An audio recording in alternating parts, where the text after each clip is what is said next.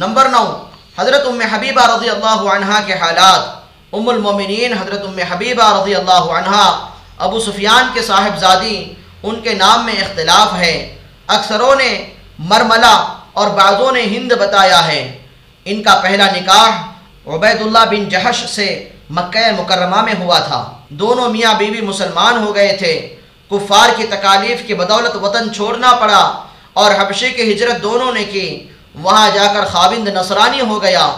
یہ اسلام پر باقی رہیں۔ انہوں نے اسی رات میں اپنے خاوند کو خواب میں نہایت بری شکل میں دیکھا۔ صبح کو معلوم ہوا کہ وہ نصرانی ہو گیا ہے۔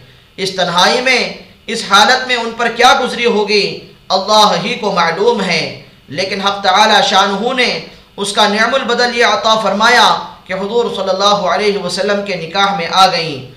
حضور صلی اللہ علیہ وسلم نے حبشہ کے بادشاہ نجاشی کے پاس پیام بھیجا کہ ان کا نکاح مجھ سے کر دو۔ چنانچہ نجاشی نے ایک عورت ابرہا کو ان کے پاس اس کی خبر کے لیے بھیجا۔ انہوں نے خوشی میں اپنے دونوں کنگن جو پہن رہی تھی، اس کو عطا کر دیے اور پاؤں کے چھلے، کڑے وغیرہ متعدد چیزیں دی۔ نجاشی نے نکاح کیا اور اپنے پاس سے چار سو دینار مہر کے ادا کیے اور بہت کچھ سامان دیا۔ جو لوگ مجلس نکاح میں موجود تھے ان کو بھی دینار دیے اور کھانا کھلایا۔ اس میں اختلاف ہے کہ یہ نکاح سن سات ہجری میں ہوا، جیسا کہ اکثر کا قول ہے، یا سن چھ ہجری میں، جیسا کہ بعض نے کہا ہے۔ صاحب تاریخ خمیس نے لکھا ہے کہ ان کا نکاح سن چھ ہجری میں ہوا اور رخصتی سن سات ہجری میں۔